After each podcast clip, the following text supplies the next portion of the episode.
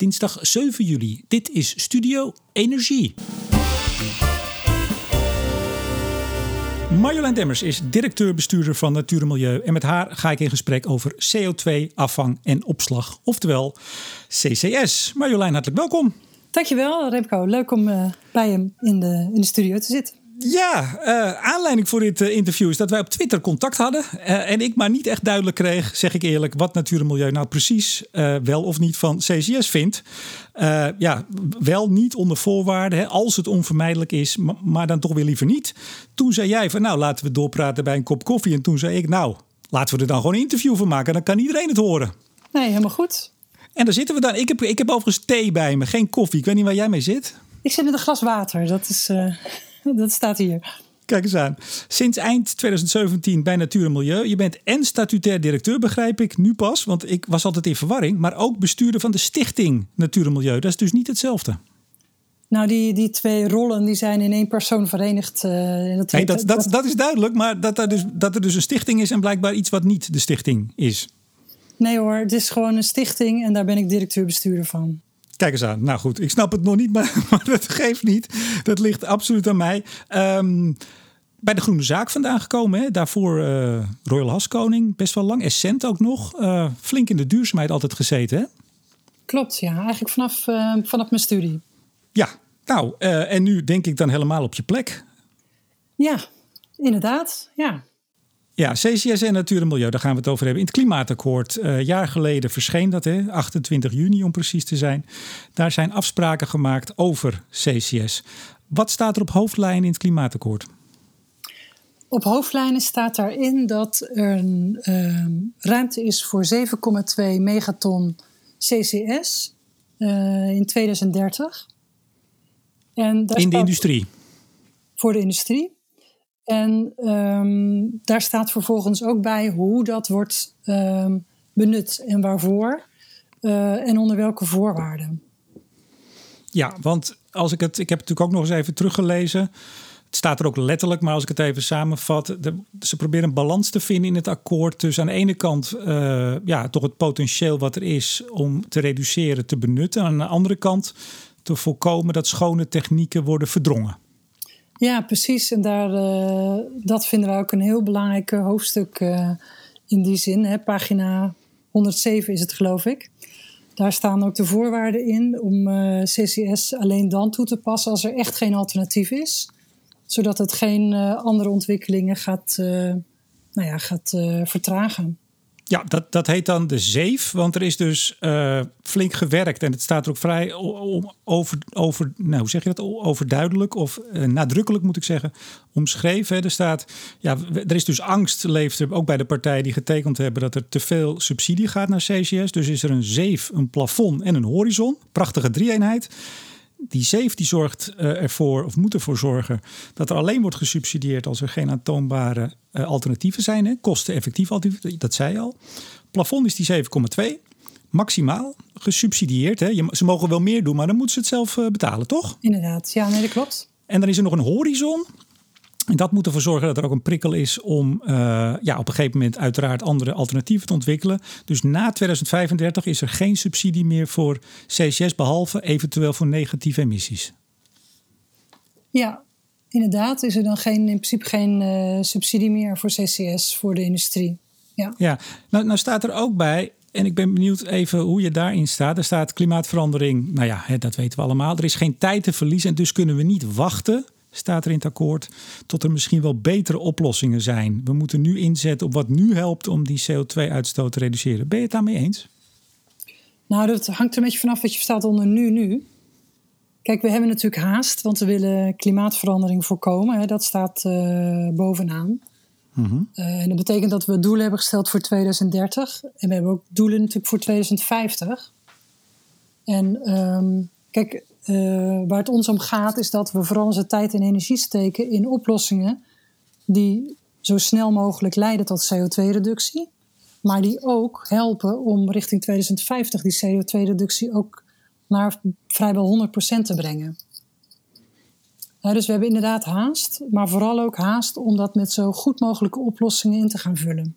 En dan is een van de angsten bij uh, NGO's breder. Hè? Het is niet jullie alleen, maar ook bij, bij de andere, Greenpeace, Milieudefensie, et cetera. Dat er te veel geld naar het CCS gaat. En dat zou dan, begonnen al eigenlijk al ehm, de, de, nou ja, de echt duurzame uh, oplossingen in de weg kunnen staan. Hè? Dat is de angst. Ja, dat is de zorg. Hè? Dus um, als je als bedrijf nu gaat inzetten op CCS Um, dat doe je dan natuurlijk niet voor uh, korte termijn. Hè. Dat, uh, dat is een investering die je daarvoor moet doen. En dat betekent uh, ja, dat het natuurlijk wel de zorg is of datzelfde bedrijf dan ook gaat investeren in de oplossingen die voor de iets langere termijn die CO2 gaat, gaat voorkomen, die CO2-uitstoot. En um, er zijn subsidies ter beschikking gekomen hè, voor de industrie om te werken aan CO2-reductie. En wij zouden graag zien dat zoveel mogelijk van die subsidie, en in ieder geval de helft, uh, gaat naar uh, het ontwikkelen van die toekomstgerichte oplossingen. Ja, en, ook dat is afgesproken in het klimaatakkoord. Er staat PBL verwacht dat er niet meer dan die helft, zoals je al zegt, van 550 miljoen in 2030 uh, daar naartoe gaat. Uh, en dat is, uh, staat in het klimaatakkoord, om en nabij 6% van het totale SDE-budget in dat jaar jullie angst of zorg dat er te veel geld naar dat CCS gaat. Is dat dan wel terecht als je ziet dat dat toch eigenlijk uiteindelijk maar 6% op de totale subsidieuitgave is? Nou ja, kijk, die totale subsidieuitgave die is bedoeld eh, voor eh, hernieuwbare energie. En voor de industrie is een, uh, jaarlijks een uh, extra pot gecreëerd van 550 miljoen. En die 550 miljoen, daar wordt CCS uit gesubsidieerd, maar ook de alternatieve manieren om CO2-uitstoot um, ehm, te voorkomen. En um, ja, die 550 miljoen, daar zien we graag van dat die minstens voor de helft wordt besteed aan die andere, andere oplossingen. Ja, maar dat, dat is dus afgesproken. En er staat ook, dat gaan we ieder jaar uh, monitoren. En als nou dat niet zo dreigt te gebeuren, dan, dan grijpen we in. Dus ja, in die zin is dat, is dat dus gedekt, die, dat het niet meer dan de helft zal zijn. Ja, wij, wij hebben hier natuurlijk uh, tijdens het klimaatakkoord uh, aan tafel uitgebreid over gesproken. En ook daarna met EZK nog uitgebreid over gesproken. En daar zijn deze ja, borgingen of, of voorwaarden uit voortgekomen om te zorgen dat nou ja, de, de opslag van CO2 is, is gedeeltelijk nodig, maar dat het niet ten nadele gaat, gaat zijn van die andere oplossingen. Ja, want er is zelfs ook een, een werkgroep Joint Fact Finding geweest. Daar zaten jullie ook met twee mensen in, maar ook Greenpeace en de industrie uiteraard. En die hebben best wel werk gehad aan, hè, ter voorbereiding op wat we eigenlijk net bespraken, om dit soort ja, afspraken, uh, compromissen, denk ik, moeten we het maar noemen, uh, te sluiten. Ja, uh, inderdaad. En die fact-finding ging ook over: hè, is het nou daadwerkelijk nodig? Is het, uh, hoe duur is het eigenlijk? Hè? Hoe ver zijn we eigenlijk al uh, in onze kennis en ervaring om daar met zekerheid iets over te zeggen? nou, er valt nog best wel wat op af te dingen. Dus de aanname nu hè, dat deze hoeveelheid CO2-opslag ongeveer de helft van die pot gaat gebruiken. Dat is natuurlijk een aanname. We moeten in de praktijk gaan zien of de kosten van uh, eh, CO2-opslag niet veel hoger worden. dat zegt uh, eh, PBL ook in, uh, in hun analyse. Ja, en dat, dat staat ook duidelijk in het akkoord van ja, ze hebben het zelfs over een, soort ideale wereld en de werkelijkheid. Hè. Er zit nog heel veel tussen. Er zijn veel onzekerheden. En daarom is ook dat monitoren en borgen en eventueel ingrijpen als het dus anders blijkt te zijn, is ingebouwd. Ja, ja dus als bijvoorbeeld CO2-opslag veel duurder blijkt te zijn, dan, uh, dan zul je wat moeten doen om te, om te voorkomen dat het uh, ja, ten nadele van andere technologie gaat uitpakken. Nou, uh, is dat klimaatakkoord, dat is in juni, 28 juni vorig jaar, is dat uh, ja, gesloten, gepresenteerd hè, in, in Nieuwspoort met veel fanfare. Uh, op 5 november, dat was even daarna, Ed Nijpels, de, toch een beetje de, de voorzitter van het hele spul, die vroeg partijen om hun, hun steun uit te spreken. Of niet natuurlijk, hè. sommigen hebben dat niet gedaan. Jullie hebben dat wel gedaan toen. Natuur en Milieu geeft klimaatakkoord groen licht, was jullie eigen bericht. Mag ik dan concluderen dat jullie ook die afspraken over Dus onderschrijven, of niet? Jazeker, nee zeker. We hebben, we hebben heel lang aan tafel uh, gesproken over uh, hoe we de doelen gaan halen. En uh, ja, daar zijn een heleboel afspraken uit voortgekomen. En dit is er een onderdeel van. En we hebben alles overwegende, uh, het hele pakket bekeken hebbende, besloten dat, dat we dit moeten steunen, omdat we echt vinden dat we aan de slag moeten. En het te belangrijk is om nog weer door te blijven praten of vertraging op te lopen. Dus we willen aan de slag en we hebben gezegd dat gaan we dan doen met dit klimaatakkoord. En we willen daar met onze deelname hè, ook aan de uitvoeringstafels uh, ook bereiken dat we ja, ook goed meedenken over het uitvoeren van de afspraken, maar ook over het borgen van afspraken zoals uh, bijvoorbeeld voor CO2-opslag zijn gemaakt. Maar in, in maart, dus uh, zo'n maand of twee, drie voordat het klimaatakkoord klaar was, toen keerden jullie samen met andere NGO's tegen wat er toen op tafel lag. En, met name ook tegen CCS, of ook tegen biomassa, maar dat is een ander onderwerp. Uh, en jullie zeiden ook van ja, dit, dit, zijn geen oplossingen. Dit zijn schijnoplossingen, die zijn ook nog eens heel duur. En die, ja, die vertragen eigenlijk alleen maar wat nodig is. Wat is er dan toch vanaf maart, ik geloof ongeveer half maart tot aan juni, dan toch nog veranderd dat jullie toch aan boord zijn gekomen? Of waren het eigenlijk al de afspraken die het uiteindelijk geworden zijn? Nou, kijk, er waren in uh, de afspraken die ervoor lagen, die zijn in december uh, naar buiten gekomen. Hè. Toen is het proces eigenlijk afgerond. Ja, 2018 hè? In 2018. Nou, toen is er, uh, op dat moment hebben wij aangegeven dat we de afspraken het geheel overziend, dat wij dat niet vertrouwden als zijnde voldoende om de doelen te halen. Nou, daarna is er nog een heel proces geweest om uh, verder te komen met het klimaatakkoord. Ja, maar in maart, toen zeiden jullie nog steeds van we gaan hier niet achter staan. Dit is een, een, dikke, een dikke onvoldoende zelfs. Ja, ja en dat kwam omdat uh, er, en dat hadden we overigens in december ook al gezegd, er een heel aantal elementen nog ontbraken die er uiteindelijk wel in zijn gekomen. Maar dat is dan tussen die, ik geloof 13 maart uit mijn hoofd en, en 28 juni, is dat er nog allemaal ingekomen waardoor jullie er wel akkoord mee gingen? Ja, precies. Ja. Maar de andere NGO's dacht ik niet. Hè? Jullie zijn geloof ik de enige die uiteindelijk akkoord zijn gegaan. Nou, Natuur en Milieu is akkoord gegaan en ook de Natuur- en Milieufederaties. Ja, maar niet, niet de meer toch wat bekendere uh, zoals Greenpeace. Greenpeace en Milieudefensie uh, die hebben samen met uh, Natuur en Milieu en de Natuur- en Milieufederaties gewerkt eigenlijk aan het bemensen van alle tafels hè, en het meedenken over het klimaatakkoord. En zij hebben besloten om niet het klimaatakkoord te ondertekenen, inderdaad. Ja, dus, dus in november, 5 november hebben jullie gezegd, nou, licht op groen. Maar toen twee weken later, toen ging het weer over CCS. Toen was je bij de NOS, althans, een quote van jou, die heb jou geïnterviewd.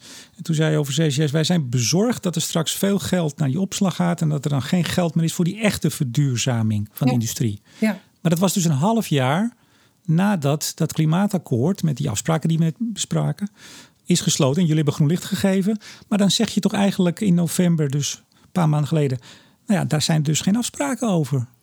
Nee, Waarom ben je anders zo bezorgd? Nou ja, wij uiten eigenlijk de zorg hè, die ook in het klimaatakkoord staat. Die is ook daarin meegenomen. En dat is ook precies de reden waarom we het uh, wel willen tekenen. Omdat we, kijk, de uitwerking hè, van de afspraken, daaruit gaat pas blijken wat we daadwerkelijk gaan doen. Dus we hebben inderdaad een zeef en een horizon en een plafond afgesproken. En we hebben afgesproken dat voordat Ehm, eh, CCS kan worden toegepast. Duidelijk moet zijn dat er op dat moment geen alternatieven in het vooruitzicht liggen die eigenlijk voor een bepaald bedrijf uh, ook mogelijk zijn. Nou, het uitvoeren daarvan, dat, wat nu de komende jaren bewaakt gaat worden, daarin gaat blijken of het lukt om ook die borging daadwerkelijk uh, goed uitgevoerd te krijgen. En daarom zitten we ook aan tafel. Maar je, die, diezelfde dag, dat was 30 november, dat dat stuk bij de NS kwam. Toen twitterde je ook, zei nou graag eerst aandacht voor investeringen en subsidies voor die echte omslag. Om die te borgen. Hoe eerder, hoe sneller. Dan kijken we wat echt nodig is voor CCS. Nu veel subsidie naar niet duurzame optie. Als je dit leest en je kent dat klimaatakkoord niet, dan denk je, nou, dat staat er dus allemaal niet in. Je zegt daar, dan gaan we pas kijken of CCS nou wel echt nodig is. Maar daar hebben jullie dus dan al anderhalf jaar over vergaderd. En een joint fact-finding. En uiteindelijk een klimaatakkoord met al die waarborgen. En dan, dan twitter je alsof dat er allemaal niet is. Nou, ik, twitter ik begrijp het niet. Daar, daar raakte ik in de war. Oké. Nee, ik twitter dat. Wij, wij communiceren dat. Omdat we ook willen aangeven wat onze rol is in het klimaatakkoord. En dat is vooral om ook te blijven kijken naar hoe we die zeef goed hanteren. Om te voorkomen dat er toch te makkelijk overheen gestapt wordt. en uh, met de projecten die er nu voor liggen, uh, op ingezet wordt voordat hè, nog die zeef daadwerkelijk fatsoenlijk is toegepast. En dat is nog steeds een zorg die wij, uh, die wij hebben en die we ook bespreken aan, nou, in, de, in de uitvoering van het klimaatakkoord. Ja, maar lees ik het dan verkeerd of begrijp ik het niet? Als je zegt, hè, we willen eerst aandacht voor die echte omslag en dan pas kijken of CCS nodig is dan zeg je toch, nou, daar hebben we dus geen afspraak over. Ja, ik kan het niet anders lezen. Nee, dan, dan, dan zeg ik, laten we eerst goed kijken naar wat er wel kan zonder CCS. Dat is dus de zeef. En dan pas beslissen over het toepassen van CCS. Maar dat is toch afgesproken? Dat is nog afgesproken, maar ik zie nu op de korte termijn behoorlijk veel energie en vaart gemaakt worden op CCS, terwijl ik van de alternatieven en de toetsing daarvan nog niks zie. En, maar ook toen wij dus dat Twitter-gesprekje hadden, wat heeft geleid tot dit, uh, dit gesprek. Toen zeiden we slaan CCS liever over hè, in de omslag naar duurzame industrie. Nou, ik denk dat iedereen dat wel, uh, zelfs de industrie, hè, zegt nou, als we het zouden kunnen overslaan, prima. Maar je toen zei je ook, ja, maar als het niet te vermijden is, doe dat als, dan zeg je dus ja, ik, ik weet nog niet zo zeker of het te vermijden is. Als het te vermijden is, is het te vermijden of niet? Ik zou heel graag willen dat het te vermijden zou blijken te zijn. En dat hangt echt af van de, de plannen die de industrie nu maakt. Hè. Die uh, zijn recent uh, nou zijn er resultaten van gekomen. Van wat er in Rotterdam gaat gebeuren, wat er in Zeeland gaat gebeuren, wat er in het noorden gaat gebeuren, ook bij Gemelot, et cetera. En al die plannen, daarin moet blijken hè, van wat zijn nou daadwerkelijk de mogelijkheden van elektrificeren, van eh, andere warmtetechnieken toepassen, et cetera.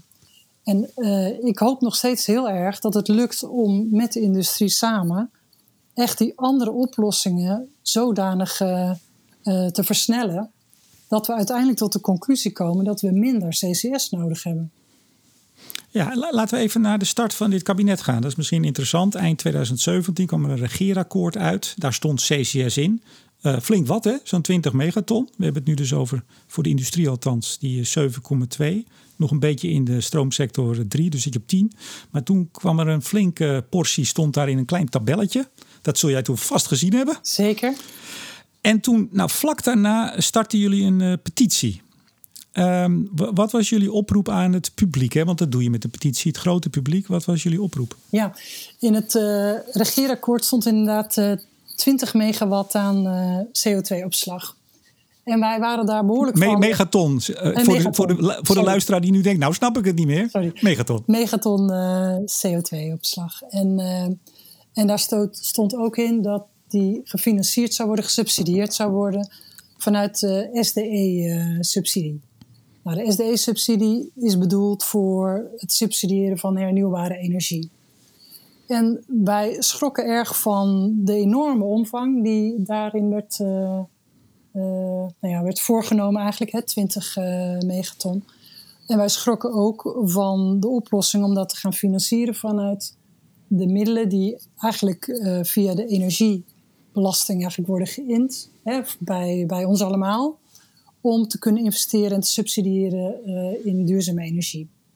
Ja, maar dus- er stond, er stond niet, het was natuurlijk nog, dat hele klimaatakkoord moest nog komen. Het was echt een soort uh, achterkant bierveeltje. Ja. Er stond natuurlijk niet, uh, we gaan alles maar subsidiëren met de SDE. Nou, in, in het regeerakkoord stond dat er uh, eh, CO2-opslag zou komen in dat tabelletje dan, hè, die 20. Ja.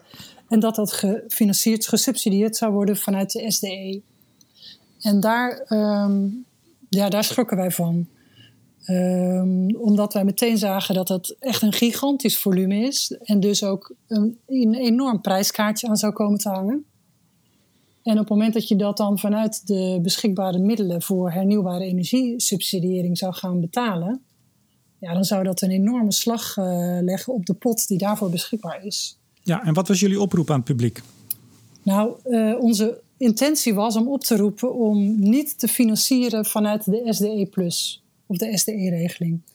En uh, waar jij ons toen op betrapt hebt, is dat wij daar een fout hebben gemaakt in de formulering van die petitie. Die hebben we toen daarna ook hersteld. Maar daardoor was het misschien niet meteen duidelijk dat, uh, wat onze intentie was. Maar onze intentie was geen financiering vanuit de SDE voor CO2-opslag. De slogan was ook: Ik betaal niet mee tegen opslag van CO2. Ja, voordat mensen denken: Goh, uh, ik heb ze betrapt. Er waren meer mensen die het opviel dat uh, in het weekend, ik geloof dat jullie het op, op een vrijdag uh, begonnen jullie de petitie. En ik geloof zondag was de derde versie er van de oproep. dus het, het, viel meer mensen op. Want jullie, jullie eindigden met tegen burgerfinanciering van CO2-opslag. Dat staat ook nog steeds zo op jullie website. Um, maar die daarvoor was tegen het gebruik van SDE-subsidie. Nou, dat is misschien een subtiel verschil. Maar de eerste versie, jullie begonnen met teken tegen de opslag van CO2. Dus tegen het, de techniek. Waar, waarom was dat de oproep? Nou, en wat was daar het foutje aan? Had iemand zich vergist uh, bij het intikken? Of, uh? Ja, het was uh, in de haast. En dat is natuurlijk heel slordig. Dus dat, moet, dat moet je natuurlijk ten alle tijde zien te voorkomen. Maar in de haast was inderdaad eh, de slogan verkeerd overgenomen.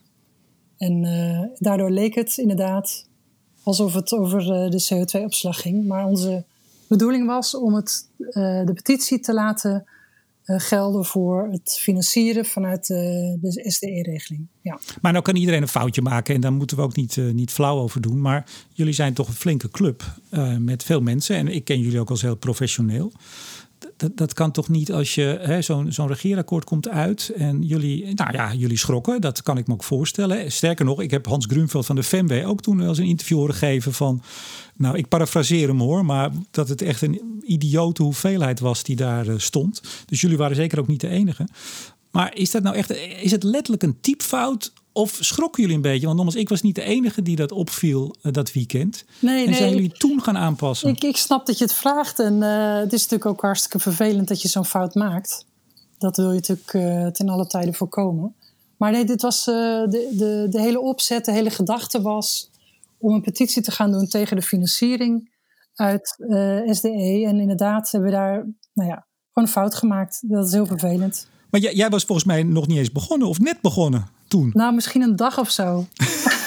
en dan meteen dat voor je kiezen.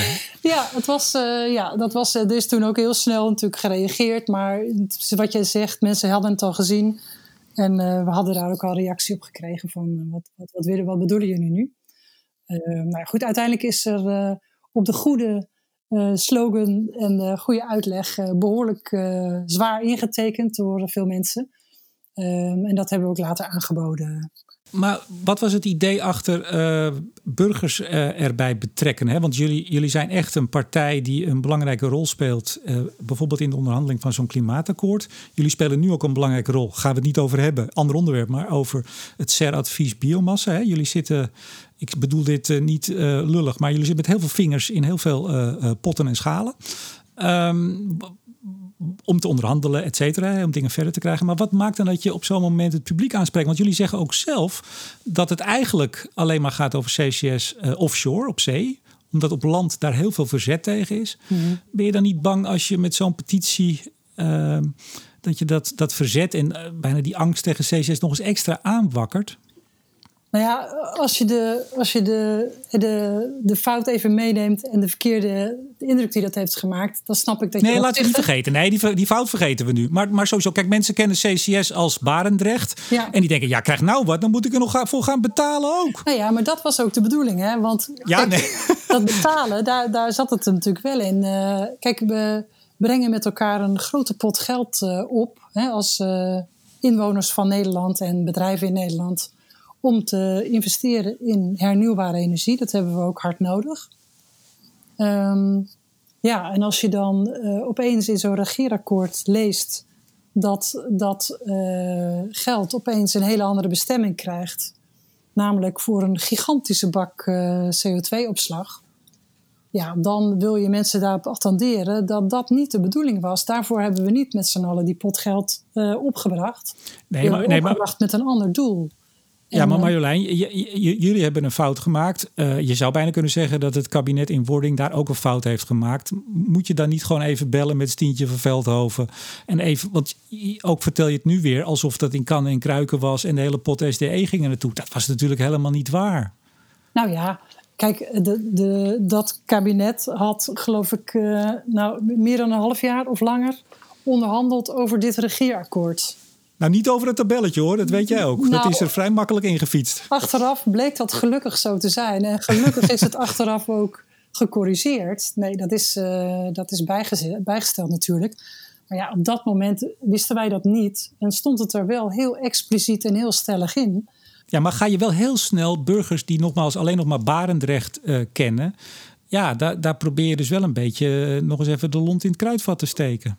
Oh. Althans, dat vond ik. Laat, dat is een mening. Dat vond jij, ja. Nee, het, was, Het, was, het was vanuit ons vooral de bedoeling om mensen bewust te maken van het feit dat hè, die pot geld die we samen opbrengen voor hernieuwbare energie, dat die opeens een hele andere bestemming leek te krijgen. En dat kan toch niet de bedoeling zijn. Dus daar wilden we juist mensen bij betrekken om te zorgen dat we genoeg financiering houden voor hernieuwbare energie. Ja, nou wil, wil, ik nog één jaartje terug. toen was jij er nog niet, maar jij zat al zo in het wereldje, dus misschien heb je dat toen ook wel gezien. Jouw voorganger, Tjerk Wagenaar, hè, die was toen directeur. Um, dat was in uh, pardon, begin 2016, of ja, april eigenlijk. Toen, toen zei hij van ja, in een interview met um, uh, hoe heet het, het havenbedrijf over CCS. Hij zegt ja, wij zijn op zich daar geen tegenstander van. Hè? Uh, wij zijn eigenlijk wel, wel voorstander, mits belangrijk, hè, onder voorwaarden. En toen ook in april, ik weet niet of je dat nog kent, heeft uh, Natuur en Milieu het sociaal, de sociaal duurzame agenda getekend, een soort manifest met MVO Nederland, Greenpeace, eh, de FNV. En ieder had daar zijn eigen soort statement, handtekening eronder van, uh, van Tjerk. En daar stond dat jullie de toekomst ingingen met wind, zon, biomassa, geothermie en CCS. Dat was dus een jaar daarvoor. En waar ik nog steeds dan een beetje naar zoek, is uh, natuurlijk met voorwaarden. Hè? Ik, ik, niet van nou, uh, doe maar raak. Maar er was toch best wel daarvoor een, een wat andere wind waaide er met een natuur en milieu. Of heb ik dat mis? Nee, ik, ik, ik zie dat niet zo hoor. Kijk, um, het is denk ik ook goed dat we het er nu wat uitgebreider over hebben. Want het, zit hem, het is natuurlijk een verhaal met twee kanten. Kijk, die CO2-reductie, die moet gewoon gebeuren. Dat is helder. En daar heeft Natuur en Milieu ook altijd keihard voor gestreden om dat op de agenda te krijgen en daar ook oplossingen voor te zoeken. dus dat staat uh, als een paal boven water. We willen gewoon een toekomst zonder CO2-uitstoot met een schone industrie en een schone energievoorziening. En daar werken we aan. En dan zijn er allerlei oplossingen en manieren om dat te bereiken, waarvan sommige heel toekomstgericht zijn. Hè. Daarvan weet je, nou net het eindplaatje, daar hoort deze oplossing waarschijnlijk eh, heel goed in thuis. En er zijn oplossingen, dat zijn dan meer de transitieoplossingen, de tijdelijke oplossingen die je misschien nodig hebt als het echt niet anders kan om die CO2-reductie te halen. En wij zijn niet in principe tegen CCS. Wij zijn tegen CCS als het een lock-in wordt en die andere technologie in de weg gaat zitten. En inmiddels hebben we natuurlijk hè, voortschrijdend inzicht. Hè. We hadden het over die petitie, hè. dat was 2017. Dit gaat dan nog weer een jaar uh, terug, als ik jou goed begrijp. Mm hè, uh, wordt het natuurlijk steeds duidelijker uh, dat we behoorlijk uh, tempo kunnen maken met z'n allen als we er echt voor kiezen. Hè, we hebben gezien hoe enorme uh, slag vooruit we hebben gemaakt met wind op zee bijvoorbeeld. Hè, maar, we... sorry Marjolein, zeg je dan eigenlijk dat de noodzaak van CCS met de, de jaren is afgenomen? Nou, dat de alternatieven zijn in ieder geval prominenter op de agenda gekomen. En de bereidheid van de industrie om over die alternatieven na te denken en daarin te investeren is ook enorm toegenomen. Maar in de maanden na het klimaatakkoord, zoals ik je net voorlas, zowel bij de NOS als in je tweets, twijfel je openlijk nog altijd aan de noodzaak van CCS. Je zegt ja, als het niet te vermijden is. Met andere woorden, ja, daar ben ik nog niet zo zeker van. Dus... Nou ja, dat, dat komt omdat, kijk, um, CCS is natuurlijk een technologie die past bij uh, het huidige systeem. Je, hoeft, je kan verder, hoef je geen fundamentele dingen aan je processen te veranderen. Je vangt CO2 af en je slaat het op. De andere oplossingen die vergen uh, van de industrie, uh, en ook in andere sectoren geldt dat, meer een systeemverandering. En dat is altijd lastiger. En um, in die zin ja, is CCS voor veel bedrijven die ja, die toch moeite hebben met die systeemverandering, gewoon een makkelijkere oplossing aan hun CO2-doelen uh, te uh, voldoen. Ja, en, maar als ik met alle, alle industrie is even proactief. Hè? Er zijn partijen die, zijn, die leunen achterover en die denken, nou, met die CO2-afvang zing ik het nog wel even uit. En er zijn partijen die staan vooraan om juist ook te investeren in die alternatieven. En wij willen eigenlijk zorgen dat al die partijen die vooraan staan en willen investeren in die alternatieven, dat die het eerst aan de beurt komen. En dat partijen die achteroverleunen en daar niet aan meedoen, niet meteen gelijk uh, zich kunnen uh, afmaken met CO2-opslag. Maar is er niet nog een, een, een, derde en misschien wel de grootste groep? En daar, daar hoor ik veel over als ik ook met dat soort partijen in de industrie praat. Die zeggen: ja, maar wij hebben het echt nodig, want wij kunnen niet voor 2030 bijvoorbeeld elektrificeren. Uh, uh, het gewoon nodig hebben. Dat heeft te maken met dat sommige apparaten nog helemaal niet op stroom kunnen. Uh, en dan heb je nog de, de turnaround. Hè, het moet ook nog allemaal maar passen. Want cost efficiency is ook wat het kabinet hoog in het vaandel heeft staan. Dus is er ook niet een groep die misschien wel wil, maar gewoon letterlijk nog niet kan, omdat de apparaten er nog niet zijn? Nou, er kan heel veel al wel voor 2030. Nee, wacht even, dat, dat is flauw. Ik, ik vraag, natuurlijk, dat is zo, maar ik vraag, klopt het dat er ook uh, veel bedrijven zijn die gewoon dat nog niet kunnen en dus tot 2030 met die hoge ambitie die er is om te reduceren, het gewoon nodig hebben? Nou, dat, dat, dat bestrijden wij ook niet, hè? Maar we willen dan wel zien dat er serieus gekeken is naar al die alternatieven. Maar dat moeten ze toch ook? Want die zeef, die zeef in die afspraak wil zeggen: het mag alleen maar als je kan laten zien dat er geen kosteneffectief alternatief is. Dat is dan toch afgedekt? Maar kijk, Remco, het zit hem wel in de uitvoering daarvan. Hè? Kijk, je kan Tuurlijk, zeggen, maar jullie gaan dat volgen. Jullie gaan ze natuurlijk goed observeren en monitoren. Ja, want je kunt natuurlijk zeggen van hè, nu heb ik gewoon geen alternatief. Ja, dan kan iedereen denk ik daar natuurlijk voor intekenen. Want hè, stand te peden uh, is er misschien ook voor veel partijen geen alternatief. Maar als we nu gaan werken aan die alternatieven, dan is het er over een aantal jaren wel. dus het is ook net hoe maak je nou precies, hoe ga je precies die zeef hanteren?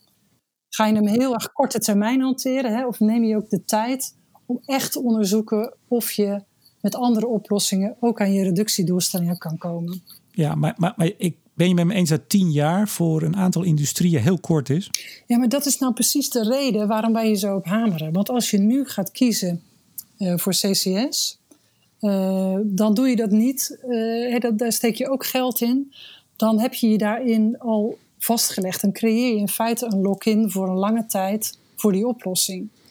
dus wij willen dat liever wat uitstellen. Wij hebben in de onderhandelingen ook gezegd: moeten we niet gewoon vijf jaar de tijd nemen om eerst echt te investeren in die alternatieven en dan CCS eh, vrij te geven. Zodat we zeker weten dat we niet te snel naar CO2-opslag grijpen en dan onszelf in de vingers snijden, omdat een paar jaar later je opeens met stranded assets zit, omdat er gewoon betere oplossingen zijn. Ja, maar als ik je nou zo hoor, dan. We hebben het in het begin gehad over wat er nou in het klimaatakkoord staat en al die waarborgen die erin zitten. Als ik je zo hoor, dan denk ik, ja, jij gelooft er helemaal niet in. Waar niet in? In wat daar is afgesproken en dat het ook zo gaat gebeuren met monitoring en bijsturing als blijkt dat men een beetje op zijn handen gaat zitten. Dat is toch afgesproken? Dit is nou die verwarring die ik steeds heb. Als ik jou zie twitteren, dan lijkt het wel of er geen akkoord is, of er geen joint fact-finding is gedaan, of er niet onderhandeld is. Alsof het nog fris moet beginnen nu. Maar in de uitvoering moet het ook nog fris beginnen, hè? Ja, maar dat is toch altijd als je met elkaar afspraken maakt en je spreekt ook nog eens af hoe je dat gaat monitoren, dan kan je toch niet maar steeds terugkomen met alsof er helemaal geen afspraken zijn gemaakt. Dan zeg je eigenlijk: ik vertrouw die gasten voor geen cent. Nou, Dit wordt niks. Ik bevestig, dat is eigenlijk de, ik bevestig, dat is de Ja, ik bevestig eigenlijk alleen maar dat we ons aan de afspraken moeten houden van het klimaatakkoord.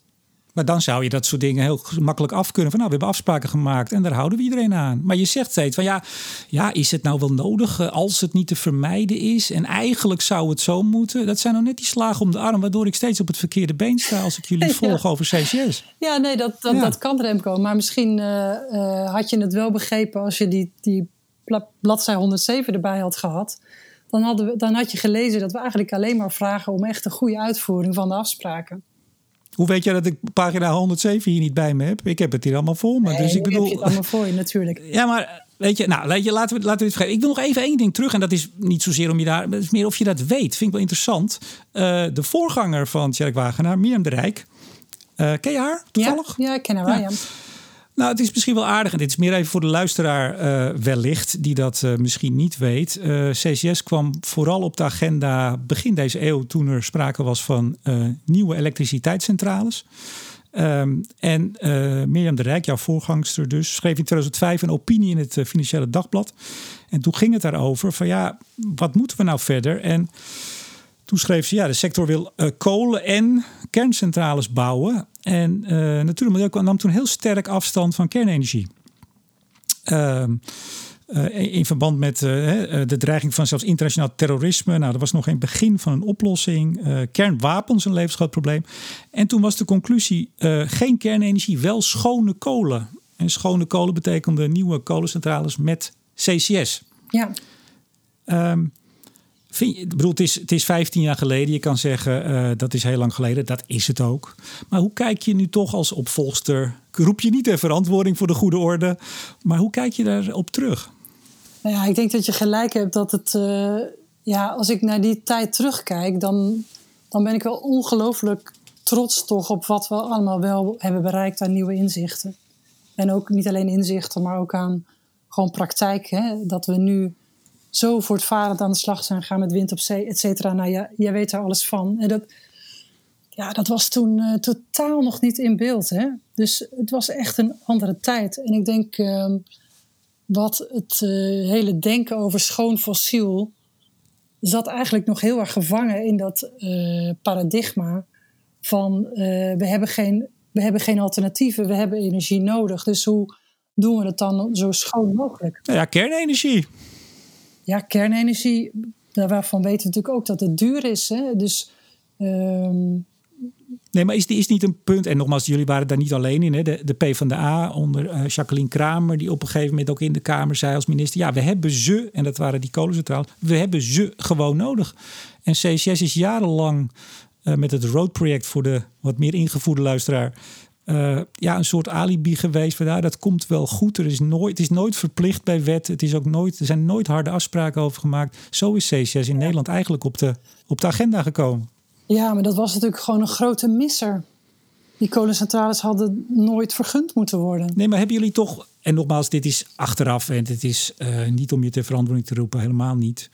Maar dat natuur en milieu eigenlijk heeft gepleit dan toch maar voor schone kolen om kernenergie buiten de deur te houden. Is dat niet toch ook gewoon een fundamentele fout geweest?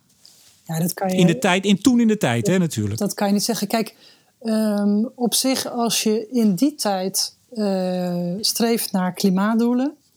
En wind en zon is nog uh, niet genoeg in beeld om daar substantieel een bijdrage aan te leveren. Dan vind ik het niet onlogisch om te kijken wat je dan kunt doen aan CO2-reductie. En uh, wat mij betreft had die uitbreiding van kolencentrales er nooit gekomen. Maar als die er dan komt, dan is het niet gek om te zeggen: nou, zorg dan in ieder geval dat die CO2 de lucht niet ingaat. Want in feite is het een soort van noodoplossing om toch in ieder geval maar te voorkomen dat we straks met een gigantisch klimaatprobleem zitten. En overigens, dat roodproject, daar is toen ook behoorlijk wat subsidie heen gegaan. Hè? En het is uiteindelijk allemaal niet doorgegaan, ook omdat de sector zelf, doordat er toch toen in beeld kwam dat die kolencentrales geen lang leven beschoren waren, hebben gezegd van ja, we gaan daar niet meer in investeren. Maar de subsidies lagen wel, uh, wel klaar. Het is toen alleen niet uh, van de grond gekomen. Nee, wat... ze hebben een beetje geld gehad om, om jarenlang een paar mensen aan, aan het werk te hebben. Uh, maar inderdaad, ze mochten hun warmte niet meer uh, leveren aan het warmtenet. Ze waren de reset van de energiewereld. Dus die jongens dachten op een gegeven moment, nou zoek het uit. Dan gaan we ook niet nog tientallen miljoenen steken in CCS. Nou ja, er is 43 miljoen subsidie naartoe gegaan, hè? Dat is ook niet niks. Nee, maar het, er stond nog veel meer klaar om het echt uit te voeren. Zeker, ja. Het gaat om grote bedragen, zeker. Ja. hey, maar, maar even, we gaan, uh, want jij moet, om, jij moet over 20 minuten alweer door, dus we gaan opschieten. Uh, geen kernenergie, dat is helder hè. Liefst geen CCS, wil natuur en milieu.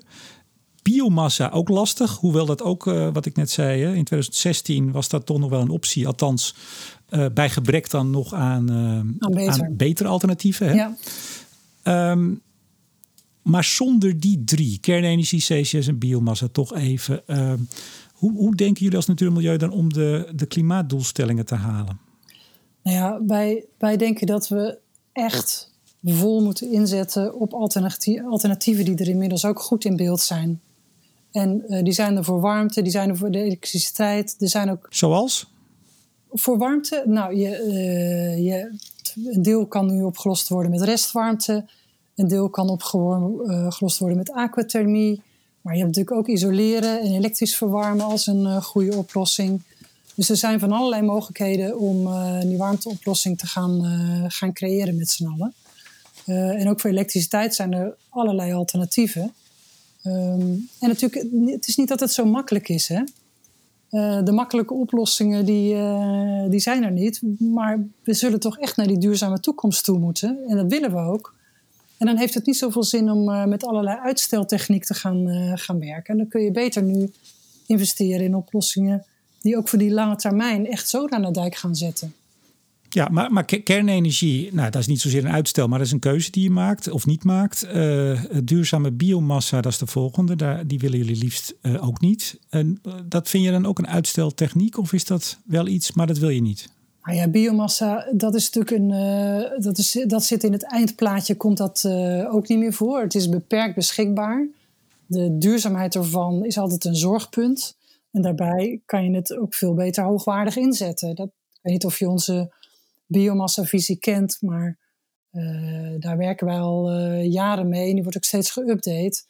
En daarin geven we aan dat om allerlei redenen, of het nou circulaire economie is of risico van verlies van biodiversiteit, is het gewoon veel slimmer om uh, biomassa hoogwaardig in te zetten en, en dan te cascaderen. En uiteindelijk eindig je dan met een reststroom, hè, die geen andere nuttige functie meer heeft, waar je misschien qua energie nog een hele goede, goede route mee kan bewandelen. Maar wel ik, ik denk ook dat. Ja, ik denk dat ook vrijwel iedereen dat, uh, dat, dat eens is. Maar dan blijft over, want je zegt ja, er is een scala aan techniek. Ik zag Matthijs Sinot uh, vorige week over uh, biomassa, waar toch ook de coalitie zich tegenkeert. Nou, er gaat één deur dicht en er gaan er vijf open. Dat vond ik ook wel een mooie. Alsof de suggestie is dat als we geen biomassa nemen, dat er zich ineens veel meer mogelijkheden voordoen. Maar uiteindelijk kom je dan toch op zon en wind terecht. Je moet er toch ergens mee, mee opwekken. Want volgens mij fossiele restwarmte zijn jullie ook geen fan van. Sterker nog, uh, lock in. Nou, fossiele restwarmte, dat is natuurlijk, als je dat niet anders benut en je gaat het nu wel benutten, dan is daar natuurlijk niet zoveel op tegen. Hè, want dat is, dan een, dat is dan gewoon slim. Maar, dat is ook tijdelijk, want straks geen fossiel meer. Ja, ja maar, maar waar moeten we het dan van gaan doen? Nou ja, het is tijdelijk als je naar een andere industrie gaat, dan zou je daar nog, natuurlijk nog steeds restwarmte van kunnen hebben. Hè? Dus dat is hangt natuurlijk vanaf wat de transities die de industrie uh, gaat maken.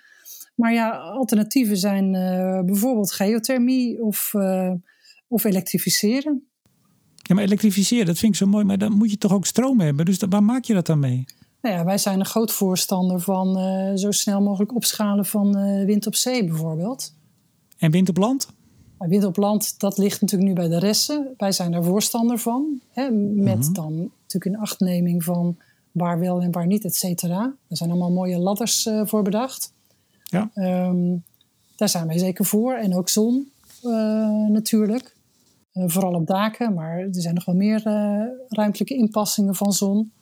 Maar als ik naar de cijfers van, van PBL kijk en we kijken naar 230 en daarna, want we hebben het nu toch vooral over 230. Um, ehm, ja, ik, ik laat me graag overtuigen, echt, maar ik zie niet hoe we met vooral wind op zee en zon op dak uh, heel Nederland laten draaien.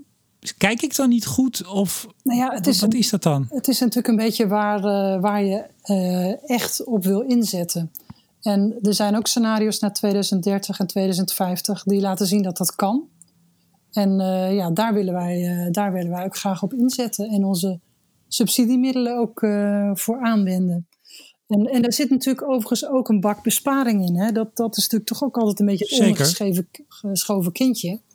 Maar we zullen toch ook gewoon dingen minder of echt anders moeten gaan doen. Of dat nou de mobiliteit is, of, of, de, of warmtevoorziening of elektriciteitsverbruik. We zullen daar toch ook uh, bijvoorbeeld in isoleren, echt veel serieuzer moeten gaan investeren. Maar, maar de percentages die ik vaak hoor, ik weet niet op welk percentage jullie zitten, maar ik hoor dan vaak, nou, we gaan zo 40% minder energie verbruiken. Dan denk ik altijd, ja, waarom zien we dat dan nog niet? Als het nou zo makkelijk is. Want dat is vaak een beetje de suggestie die eronder zit. Gewoon minder gebruiken. Ik denk, ja, graag. Wie niet? Maar dat gebeurt dus niet.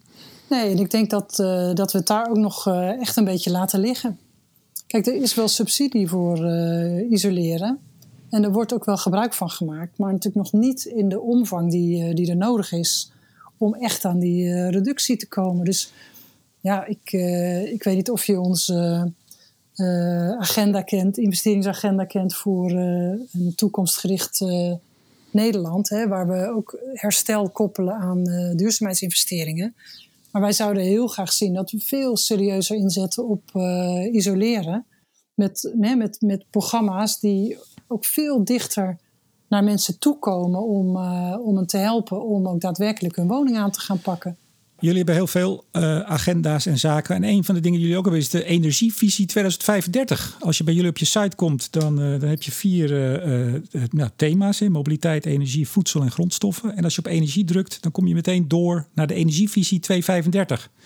Overigens, dat is een bericht en een agenda uit, uit 2016. Ik dacht wel, moeten jullie die niet eens een beetje gaan bijstellen? Nou, dat denk ik ook, ja. Die, moet, die kan zeker na al het werk van de afgelopen anderhalf jaar echt uh, ja, ik, ik, ik, lach, ik lach er een beetje om, maar ik dacht, goh, uh, uh, we hebben toch een klimaatakkoord gesloten. het lijkt wel of dat nog niet zo is als ik bij energie kijk op jullie site. Maar er staat bijvoorbeeld in wat jullie dus in 2016, zeg ik er nadrukkelijk bij, voorstelden. hoe het er in 2035 uit zou zien. Staat er nou de voorgestelde maatregelen leveren Nederland netto 1,7 miljard euro per jaar op. En dan zijn de gezondheidsbaten en de werkgelegenheid en innovatie nog niet eens meegerekend. Oftewel, eh, maar corrigeer me als ik het dan verkeerd uh, zeg. Uh, in 2035 kunnen we met zon en wind. En misschien een heel klein beetje dingetjes die jullie nog, nou, nog net toestaan. Maar vooral zon en wind. Kunnen we draaien. En ieder jaar verdienen we daar 1,7 miljard aan. Netto. en dan komt ook nog eens de gezondheidsbaten, werkgelegenheid, innovatie. En denk ja, is iedereen nou gek dat die dat niet van jullie overnemen? Of zitten jullie misschien iets te optimistisch in het scenario? Nou, je, je overvraagt me een beetje qua details. Dat zal je me vergeven.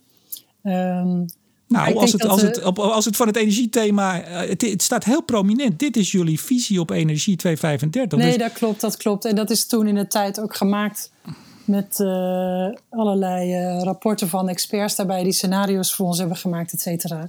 Dus uh, die, die zijn toen ook zeker heel, heel serieus gecommuniceerd. En die, die zijn ook een leidraad geweest in de jaren daarna.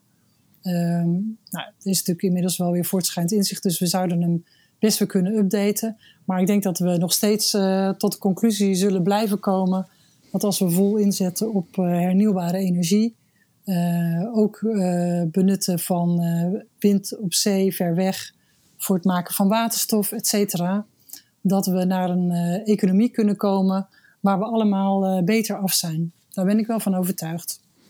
Maar dus die, dus die sommetjes die we onlangs, PBL heeft dat gemaakt over bijvoorbeeld alleen al het energieakkoord, die 14% dit jaar, duurzame energie 16, 2023.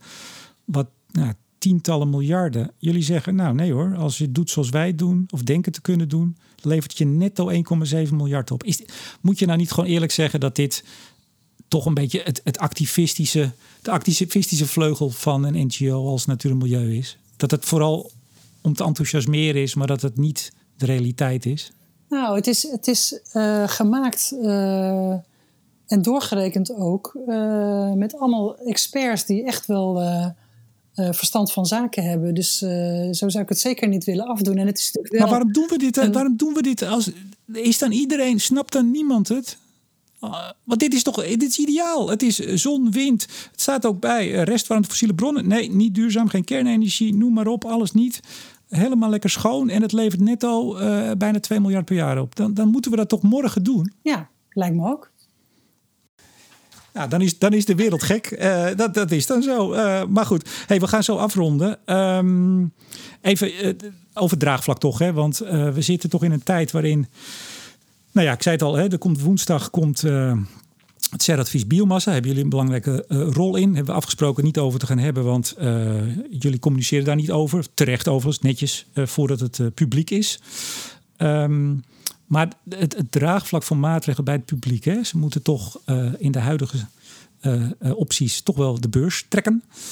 Hoe, hoe, hoe, vind je, hoe zie je jullie rol in het verwerven van draagvlak voor toch ook de moeilijker maatregelen?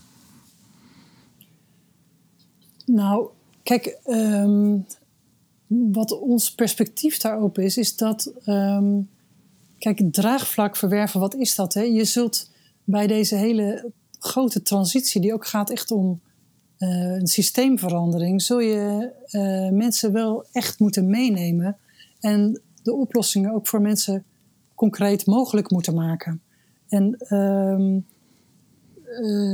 dat betekent toch, uh, dan kom ik weer bij bijvoorbeeld die subsidies op uh, isoleren, maar ook daar ja, toegaan naar heel duidelijke kaders en normen.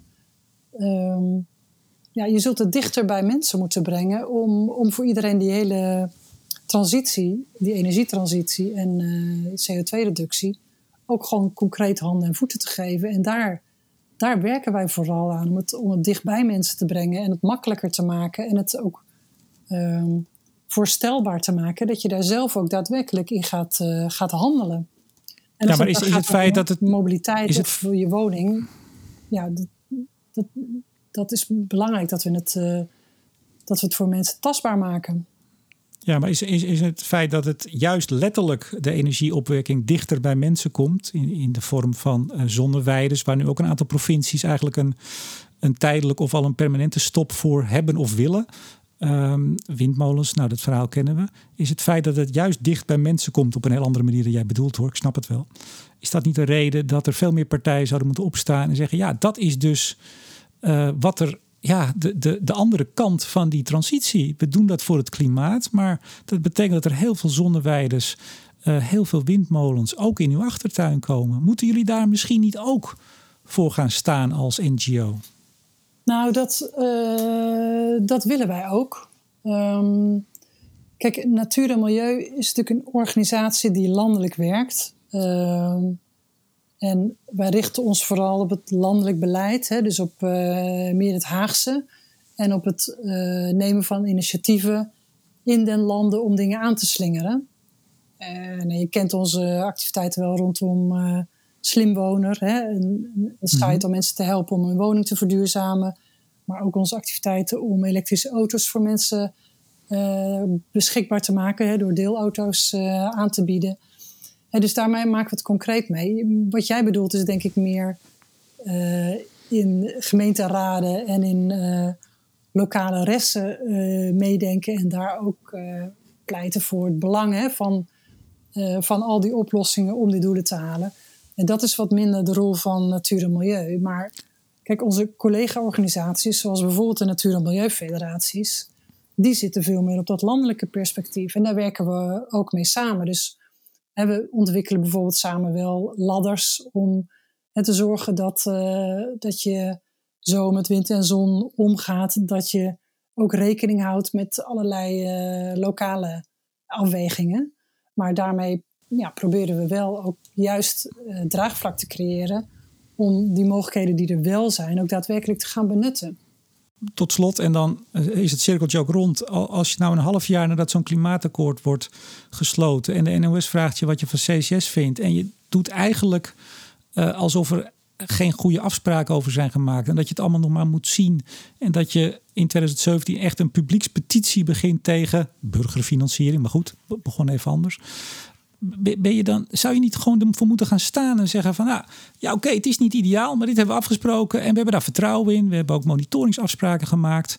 Want ik denk dat de gemiddelde burger die jullie volgt, die denkt, nou, dat CCS, dat moeten we gewoon niet doen. Moeten we niet doen. Kost nog geld ook. Ja, maar dat is, is dat niet een... Nee, dat is onze, nee. dat is onze rol niet. Hè? Onze rol is ook om te zorgen dat we aan de afspraken die we gemaakt hebben en de uitwerking van die afspraken, dat wij daar scherp op blijven. En, uh, en, het, uh, en het, uh, daarmee ook, ook zorgen dat het nou ja, zo goed mogelijk wordt, wordt uitgevoerd. Ook op de punten waar wij risico's zien.